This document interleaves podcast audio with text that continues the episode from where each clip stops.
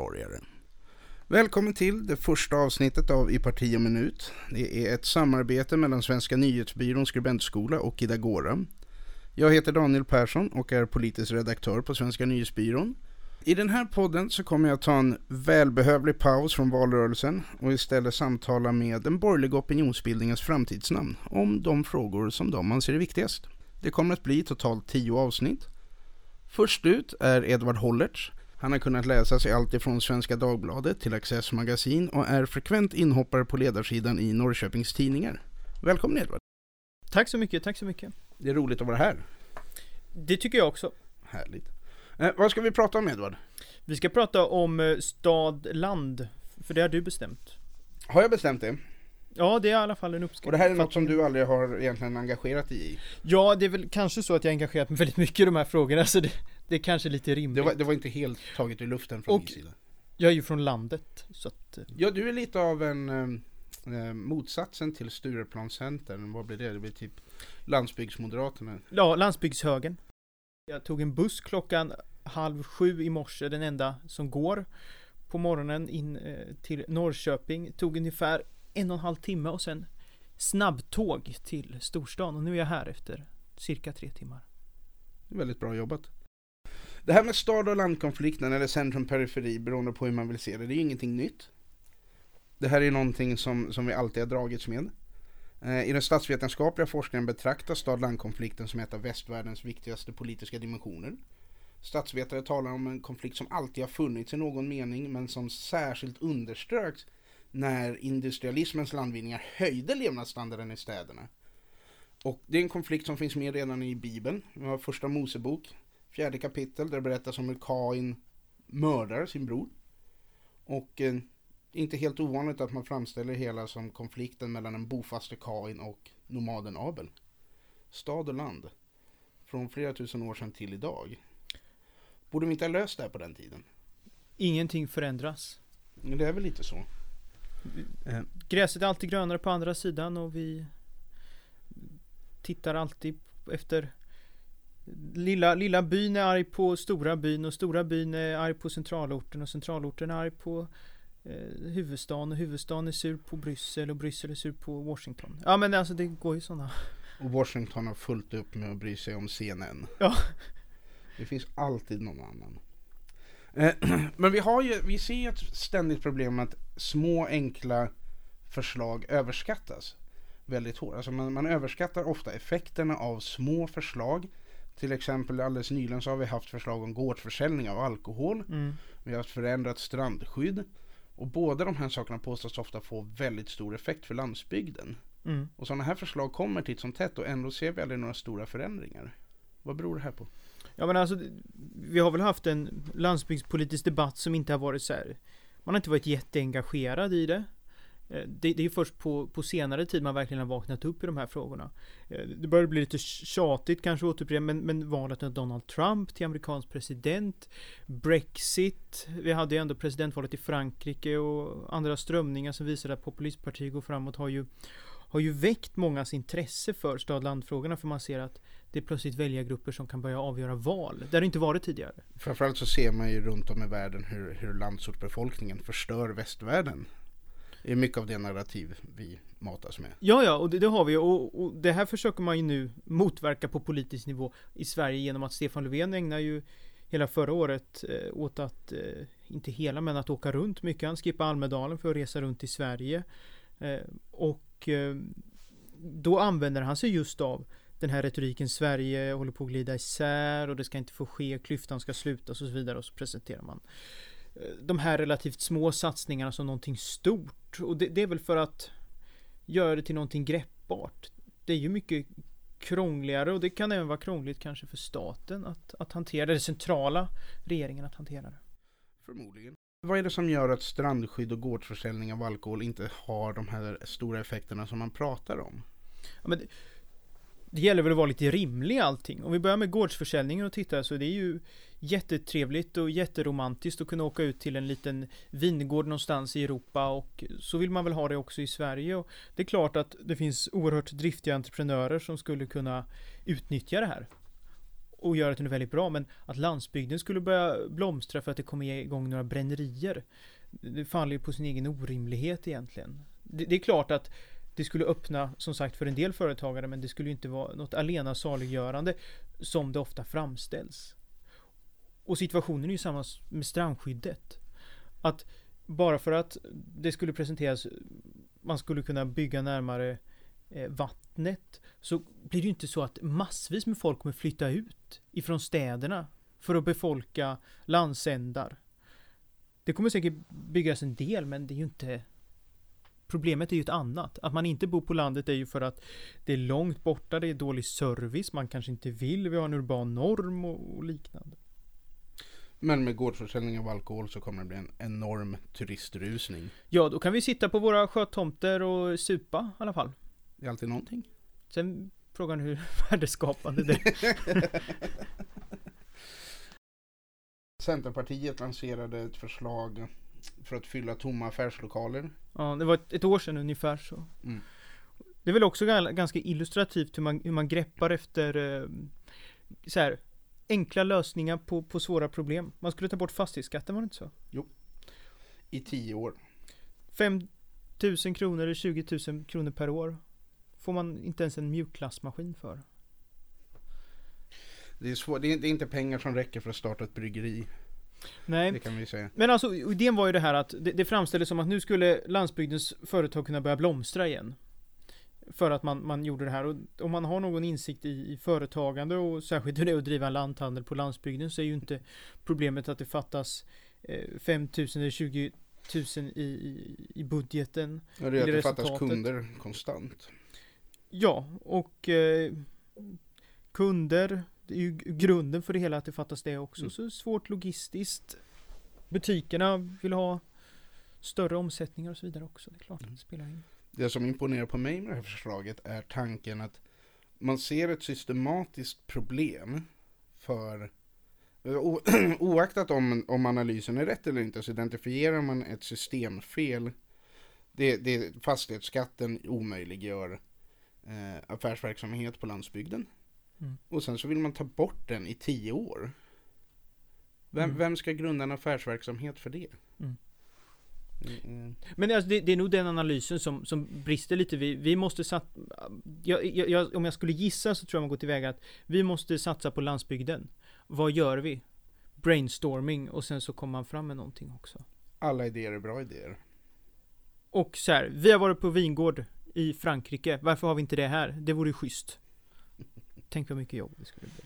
Nu låter jag som att jag är emot de här, att jag är emot begrepp, alltså Det finns en risk att vi kommer ut som kritiker. Ja, alltså det är klart att det finns en poäng med att, att se över strandskyddet. Det, funk det är ju uppenbarligen något fel med systemet när det kan finnas fler sjöar än invånare i en kommun om man inte får bygga. Och att om man bygger en damm på gården får man inte uppföra ett hus efteråt för det är helt plötsligt inom strandnära. Då, där har det ju gått fel, men att, att framställa det som att det här är det som kommer rädda svensk landsbygd, eller i alla fall göra en förändring. Det är ju lite överdrivet. K kanske lite grann. Eh, men samtidigt som vi ser de här, den här överskattningen av små åtgärder så ser vi, så ser vi också att man helt förbiser stora, alltså behovet av stora systemreformer. Som man, ser, som man har väldigt lätt att prata om på arbetsmarknaden men som man verkar ignorera helt för landsbygden. Eh, och vi ser om man ser på de två stora traditionella lantbruksnäringarna, jord och skog. Eh, så ser vi enorma behov av förändringar i lagstiftningen. Men det sker absolut ingenting. Inte i rätt riktning i alla fall. Nej, och kanske det största behovet är att få, få lite lugn och ro. Mm.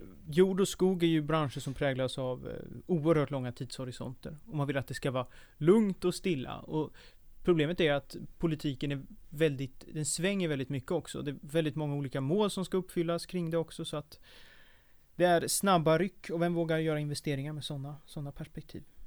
Verkligen. Eh, och vi har, eh, en av de saker som vi ser nu är ju vad som beskrivs, delvis i alla fall, som vår tids löntagarfondstrider. De omfattande konfiskeringarna av skogsmark som sker helt utan ersättning. Och det, konfiskering ska vi säga, eh, de omfattande inskränkningar som sker i ägandet av skog som sker helt utan ersättning. Mm. När vi har sett miljöminister Isabella Lövin har varit och sagt att det här är helt avsiktligt. Man har ingen intention att betala. Um, man, mycket baserat på tolkningar av EU-direktiv och sen säger man att det ska inte, man ska inte få betalt för att följa lagen. Mm. Nej, alltså det, det, är en intressant jämförelse. Det här är ju, någonstans så står ju en, en slags huvudkonflikt mellan naturvård och, och brukande av skogen.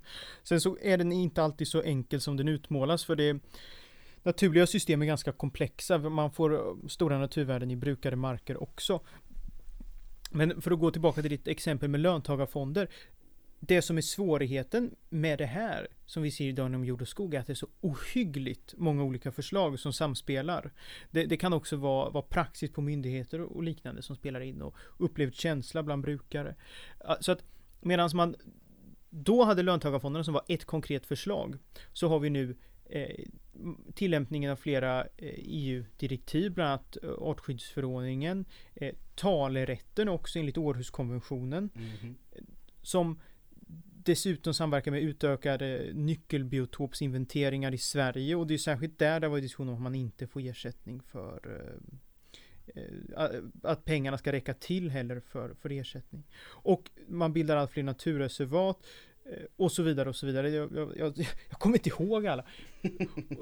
så att det, det, är ju väldigt svårt att få en överblick också. Och det, det är ju ett problem. Verkligen. Pedagogiskt. Inte minst. Eh, det är också att det är, en väldigt, det är en väldigt komplicerad materia och det är svårt att få folk att sätta in sig in i det, inte minst politiker. Mm.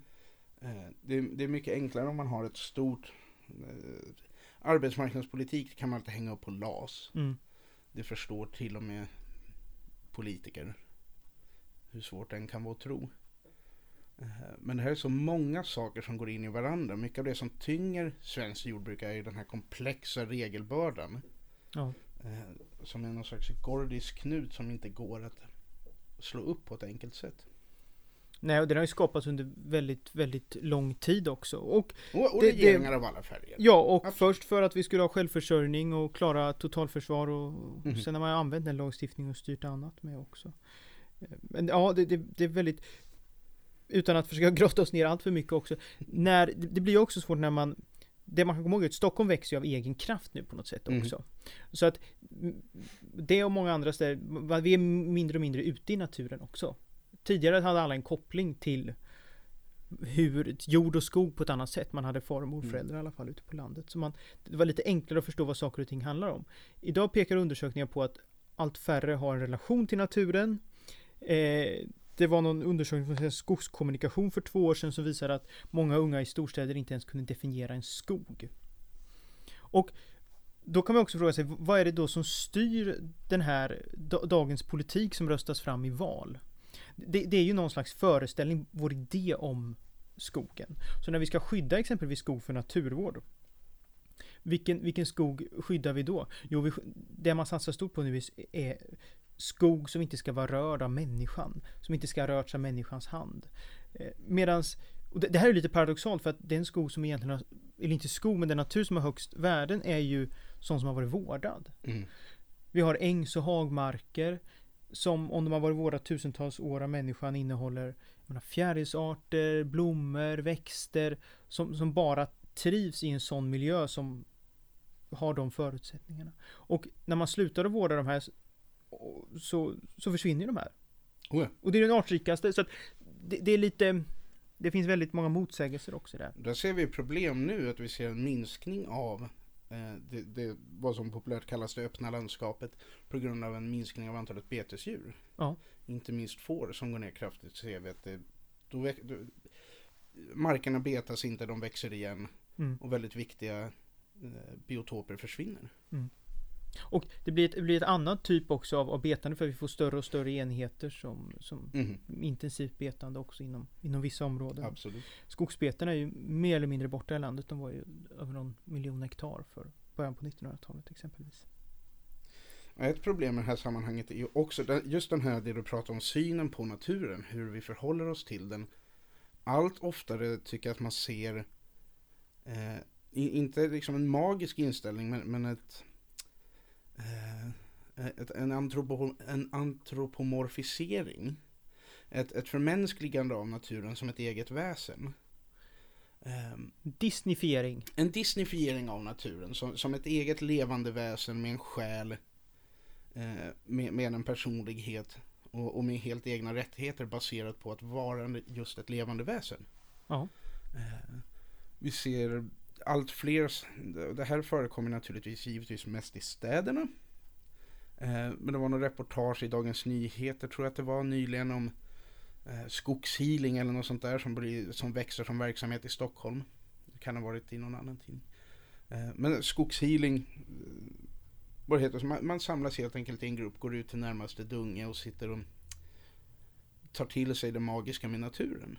Och mm. naturupplevelser är förstås någonting väldigt nyttigt för människor. Men att tillskriva naturen en, sådana här förkroppsligade egenskaper kommer inte leda till någonting positivt. Då blir varje, varje ingrepp, varje, varje form av brukande som vi gör blir ett övergrepp på en annan varelse. Mm. Ja men det är riktigt, det kan räcka med skogspromenader. Gå med i scouterna, det verkar mycket bättre att lära sig att faktiskt fungera tillsammans med naturen istället för att ge den egna rättigheter och röstsedlar. Eh, ett annat problem som vi ser är ju i förhållande till de svenska regleringarna av jordbruket, mm. förhållande till EUs jordbruksstöd. Mm. Eh, kommissionen lade nyss fram ett förslag på ny långtidsbudget. Det är alldeles för mycket pengar och nu pågår en kapplöpning om hur vi ska lyckas minska det här. Som vanligt så är allas främsta förslag att skära i jordbruksstöden. Mm. Alla är överens om att det här är en väldigt bra idé. Vad tror du om det här? Ja, det är väl inte så bra. Upp till försvar för EUs jordbruksstöd, det, det är ju verkligen inte trendigt att säga, men det, det, är ju lite lustigt att om vi tittar på vad, vad vi får för signaler från regeringen, så mer eller mindre under samma vecka så säger man att vi ska kapa rejält i jordbruksstöden och därmed så ska inte Sverige börja betala i alla fall mer pengar till EU. Eh, och samtidigt så säger man att vi ska satsa stort på svensk landsbygd för att landet håller på och eh, glida isär och eh, man ska hantera den här klyftan. Vi var inne på det tidigare också, Stefan Löfven reser runt och så vidare också. Det, det märkliga är ju att det, de pengarna regeringen satsar är ju närmast växelpengar och eh, att de behöver satsa på exempelvis vägunderhåll beror ju på att de har lagt för lite pengar på just vägunderhåll på, på landsbygderna. Eh, så att, och de pengar som faktiskt spelar någon roll är ju de som kommer från EU. Det är ju det som gör att man i alla fall kan säga att man någorlunda håller ihop landet. Alltså utan att ta till en överdriven retorik i det här så är det ju Det är jordbruksstöden som får det att gå ihop för de flesta jordbruksföretagare. Oh ja. Och eh, därför att man också uppfyller de målen som, som EU eh, kräver. Eh, så det, det, är väldigt lustigt att säga att vi ska säga, vi ska ta bort EUs jordbruksstöd men samtidigt så ska vi satsa på landsbygden. Det, det går ju verkligen inte ihop. Man, man, man, ser ju inte vad pengarna går till i Sverige. Oh, nej. nej, absolut inte. Det är väldigt svårt att att få något slags grepp om. Eh, en, en annan god vän till mig som är, är jordbrukare, han brukar kalla jordbruket för, för den absolut dyraste hobbyn som går att hitta i Sverige. Eh, det, Stämmer ut... säkert. Materialarvänlig också. Verkligen, det är som alla andra goda aktiviteter. Som man får köpa balla saker i alla fall. Traktor för en och en halv miljon. Ja, men du får dra momsen. det är den lilla glädje som du kan hitta.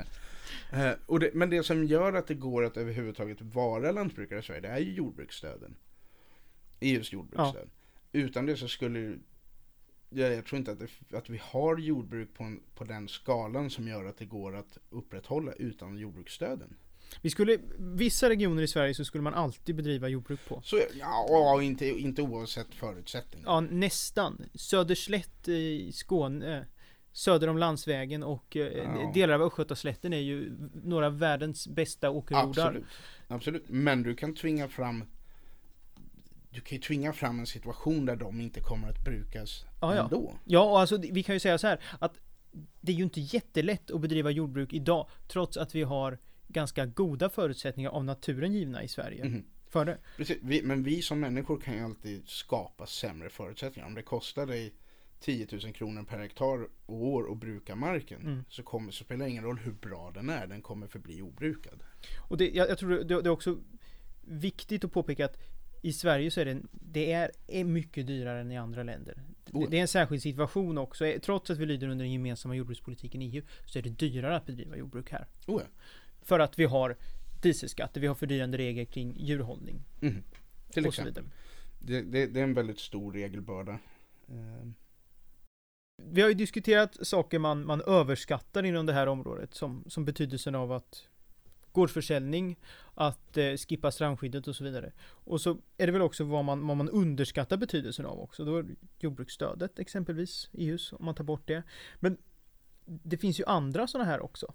Att avloppsfrågan, där jag kommer ifrån, nu kan jag ju bara tala för, för den bygden, men om man frågar så här, vad är, vad är problemet nu? Vilken, om man fick önska att någon myndighetsintervention skulle försvinna, vilken skulle det vara om anden i flaskan dök upp? Ja, då skulle det ju vara att avloppsinventeringarna från kommunen slutade.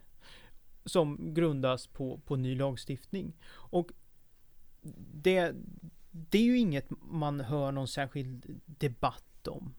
Trots att jag kan tycka att det är problematiskt. Det, det det handlar om är att man ska inte släppa ut eh, orenat avloppsvatten, det ska inte läcka och Mm. avloppen ska uppfylla de nya regelkraven och så vidare. Vilket väl i och för sig är bra, man har vetat om att det ska ske länge. Men det, det uppstår ju nu fall där man har sådana som har, äger fastigheter med ett marknadsvärde på, på 400 000 kanske. Och sen så måste man göra ett nytt avlopp på 150-200 000. Så är man en pensionär som inte får in så jättemycket pengar. Alltså sådana här, såna här fall vet jag om. Mm. Och det är inte i- oproblematiskt. Och det är ju det som är det betungande för många nu också. Så att jag tror att om man tittar på Hemnet så är det ju massa sådana hus ute nu utan avlopp och så får man dem för 200-300 000. De- Den, den sidan ser man inte medan man sett jätteförhoppningar till annat. En en annan sån här faktor som på tal om vi nu ska prata under och överskattning. Mm. Eh, underskattat en fiberrik kost. Överskattat och underskattat en fiberrik politik. Mm. Ja. Eh, det, det, det, det är inte längre uppenbart men jag tänkte på bredbands... Ja. Digita, Digitaliseringen av, av resten av landet. Ja. Eh, och därför att här är en man, man ska inte... Man, man måste lyckas separera här lite grann. Att vi, är inte, vi är inte emot digitaliseringen och utbyggnaden av bredbandet naturligtvis. Eh, men, men det måste rimligtvis finnas ett perspektiv i vad man hoppas uppnå med det. Eh, därför att inte sällan så låter det som att poängen med att bygga, meningen att man bygger ut bredbandsnätet, det ska komma bredband ut till varje stuga i Sverige för att det ska uppstå miljardstartups 40 mil utanför Hemavan. Och det är kanske inte är så det kommer att sluta. Nej, men- nej men precis, alltså fiber det, det har ju varit en, en paradgren och när vi diskuterar svensk landsbygdspolitik så går det ju inte att så här, missa det, för det har ju varit det man satsar på. Att alla ska få fiberutbyggnad och så hör vi de här fantastiska visionerna om hur bra det kommer att bli när vi har fått fiber. Då kan arkitekten flytta ut till sommarstugan och eh, sitta, skicka ritningarna som är väldigt, tar väldigt mycket utrymme därifrån och jobba hemifrån och så vidare. Och liknande verksamhet, börsmäklare och så. Och så här, då måste man, jag tror det är två saker. Det är överdrivet vilka möjligheter man kan få med det. Det är precis som som de andra. Samtidigt som det är kanske lite underskattat också hur viktigt det är att det ändå finns där. För att man klipper kopparnäten nu. Eh, och då står man utan eh, fast uppkoppling och hänvisas istället till, till mobil uppkoppling. Vilket ju inte funkar på alla ställen. Eh, I, eh, I Östergötland exempelvis har vi i gränsbygderna mellan, mellan Småland och Östergötland finns det varit ett område som har fått kopparnätet klippt, dålig mobiluppkoppling och, och alla har inte riktigt fått fiber. Och och då står man utan grundläggande kommunikation som medan någonstans har varit ganska självklart sedan alla gick ihop och grävde telefon för nästan 100 år sedan eller 80 år sedan. Kan det vara så att en del av problemet som vi ser är att man hoppas väldigt mycket på att det finns en central lösning på landsbygdens problem?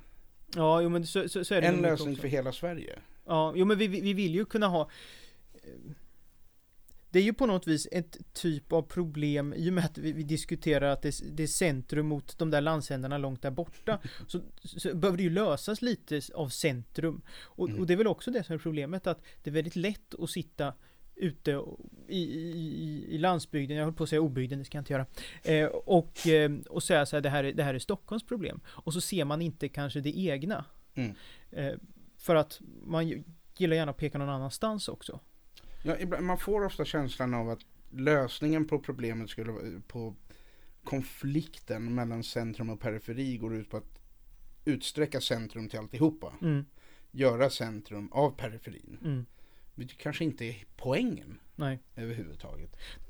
Nej, alltså jag tänkte så här, det, det blir lite okonkret, vad, vad, vad menar vi då med det här? Men det jag kan se i alla fall från de, de kommuner som jag har någon koll på eh, så, så känns det som att det är man, man kanske ska se lokalpolitikens roll också i det här. Mm. Att man, man måste börja vara med, inte bara rikta sig mot Stockholm. Utan, utan så här, se sin egen roll i det här. Exempelvis, man lägger ner skolor och man lägger ner ålderdomshem eh, på småorter runt omkring. Eh, och sen så flyttar man in dem till stan. Eller till centralorten, huvuddelen i kommunen. Och sen så lägger man, om man har några pengar över, alla har inte det, så lägger man dem på ishallar eller badhus, eh, multiarenor är också jättepoppis. Och det är någonstans det här också i många fall, så här, polit, lokalpolitiken gör sina avtryck. Man, man säger att man hemfaller åt tjänstemannaskrivelser och eh, vilken skola som blir billigast på de delarna. Medan man istället satsar och gör politik på de andra. Det, det känns som att det är ganska många som inte vill säga att vi vet att det är dyrare att driva tre skolor i den här kommunen. Men vi behåller dem för att det är, det är viktigt politiskt att vi, att vi, vi finns i hela kommunen, att vi har närvaro i hela kommunen.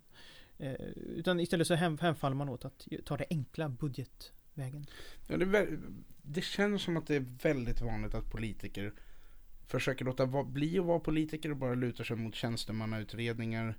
Ja. Eh, tjänstemannapositioner. Ja, men vi har räknat på det här, så här blir det. Ja. Eh, och det är kanske inte så vi ska bedriva politik. Om vi vill ha ett visst utfall. Nej, och det, det där är ju någonstans en... Man, man vill ju inte vara politiker. Alltså, om man bara ska gå på vilket alternativ som är billigast. Mm. Då behöver vi inga politiker. Nej. Och då, Då blir ju det billigare. Precis, sparar vi pengar där också. Ja. Det finns ju många som skulle föredra i och för sig tror jag. Ja. Ehm, visst är det så. Vi kan, vi kan ha ett kungahus och sen tjänstemän. Ja. Kungahus kan man ju annars, om vi ska spara pengar så skulle vi ju kunna lägga ut det på, på tioårig upphandling. Fy. Ut ur min studio. Jag antar att det här kommer klippas bort. Så att, vi får väl se. Någonting måste ju vara kvar. en, en fråga som har intresserat mig oerhört också. Det är så här hur Vi har ju någon slags idé om att en plats, en berättelse, det är på ett sätt. Mm. Vi befinner oss i på svensk landsbygd, glesbygd eller en bruksort. Och det är inte bra. Det är arbetslöshet, butikerna stänger, färgen flagar på husen, skolorna är dåliga, Om De- de allt finns. precis de som är kvar, folk flyttar. Ingen vill bo i kommunen. Är det någon som måste vara där, ja då pendlar man dit. Och vi har ju, vi har ju de här tendenserna på samma plats som vi har världsledande produktion. Vi har kunskapsintensiva företag, massvis med arbetstillfällen. Så har vi de här problemen också. Ett, ett eh, exempel som finns nära mig är i Finspång i Östergötland. Eh, Ett, ett samhälle med gammalt, gammal bruksort, en bruksort som aldrig har dött. Och just det här, vad det handlar om, blev väldigt tydligt en dag när jag slog upp Norrköpings Tidningar. För då var det, på, då var det fyra artiklar på Finspångssidorna. Och på det ena så var det det som var dåligt, det var att centrum, centrum såg tråkigt ut, butikerna stängde, det var, det var missnöje med det här. Och sen så var det också att återigen hade skolorna placerat sig i botten på Lärarförbundets ranking. Över skolorna i landet. De hade tagit en sista plats året innan. Och alltså, jag säger inte man ska tro enbart på vad de där rankingarna säger, men alltså det är ändå, det visar, det, det finns, allt är inte guld och gröna skogar. Men det var det på andra sidan i uppslaget. För där berättade Gränges, som har 440 anställda tror jag i, i kommunen, att deras tillverkning med valsad aluminium och jag kan inte säga att jag mer, vet mer än sagt så, men deras produkter fanns i, om det var varannan bil i världen. Och mycket av det kom från Finspång. Och sen så stod det också om att Siemens, som också finns i Finspång med 2800 anställda, hade fått eh, en stor order eh, någonstans ifrån, från något arabland nere vid Persiska viken. Och de är ju så här världsledande och göra turbiner. Så att här har vi två verkligheter som inte någonstans i vår berättelseidé av det hela går ihop. Samma sak kan man se i Oskarshamn. Delvis också. Så här, flygplatsen måste lägga ner. Man lägger inga pengar på egentligen vägen som finns där. Den, den, den som eh, den infrastruktur som är viktig. Eh, färgen flagar i centrum på husen också sådär. Samtidigt som man eh, har enormt stort värdeskapande särskilt med, med Scania och eh, kärnkraftverket. Det kärnkraftverk som fortfarande är kvar. Mm. Batterifabrik och så vidare. Liknande om man åker längs med älvarna i norr. Alltså, här har ju någonstans, det, det är ju politiken som har eh, man omfördelar, det, det, det är ju ett fördelningspolitiskt misslyckande vi ser. Absolut. Eller som vi inte riktigt ser. Och, och det här tror jag verkligen att man måste adressera. Hur, hur kan vi ha globaliseringens vinnare och globaliseringens förlorare på samma plats? En väldigt bra fråga. Eh, tror du vi ser några lösningar på det här i närtid? Nej, vi ska väl vara som resten av programmet gnälliga gubbar som, som Sour tycker... talking heads man. Nej men det, det handlar väl återigen om att va- vara rimlig. Skulle man... Det, det är ju inte så att... Det, det kanske inte skulle bli bra om man går till överdrift heller. Att allt värdeskapande skulle stanna där heller. Då skulle det bli ännu större problem på andra orter också. Absolut. Så att det, det är ju... Det är ju inte så att systemet är dumt i huvudet. Men det är nej, någonting är som slår fel. Ja, Ser det ut som. I allra högsta grad. Och det, det finns väldigt mycket att säga för att låt oss börja i änden att inte överdriva effekten av, eh, av de förslag som faktiskt läggs. Mm. Och underskatta inte de systematiska problem som vi ser. Mm. Det är åtminstone en väldigt bra början. Det tror jag är en jättebra sammanfattning. Där sätter vi punkt den här veckan. Stort tack till Edvard för att du kom och till alla andra för att ni lyssnade. Har ni åsikter eller synpunkter, förslag eller förhoppningar så kan ni mejla dem till mig på dp.snb.se.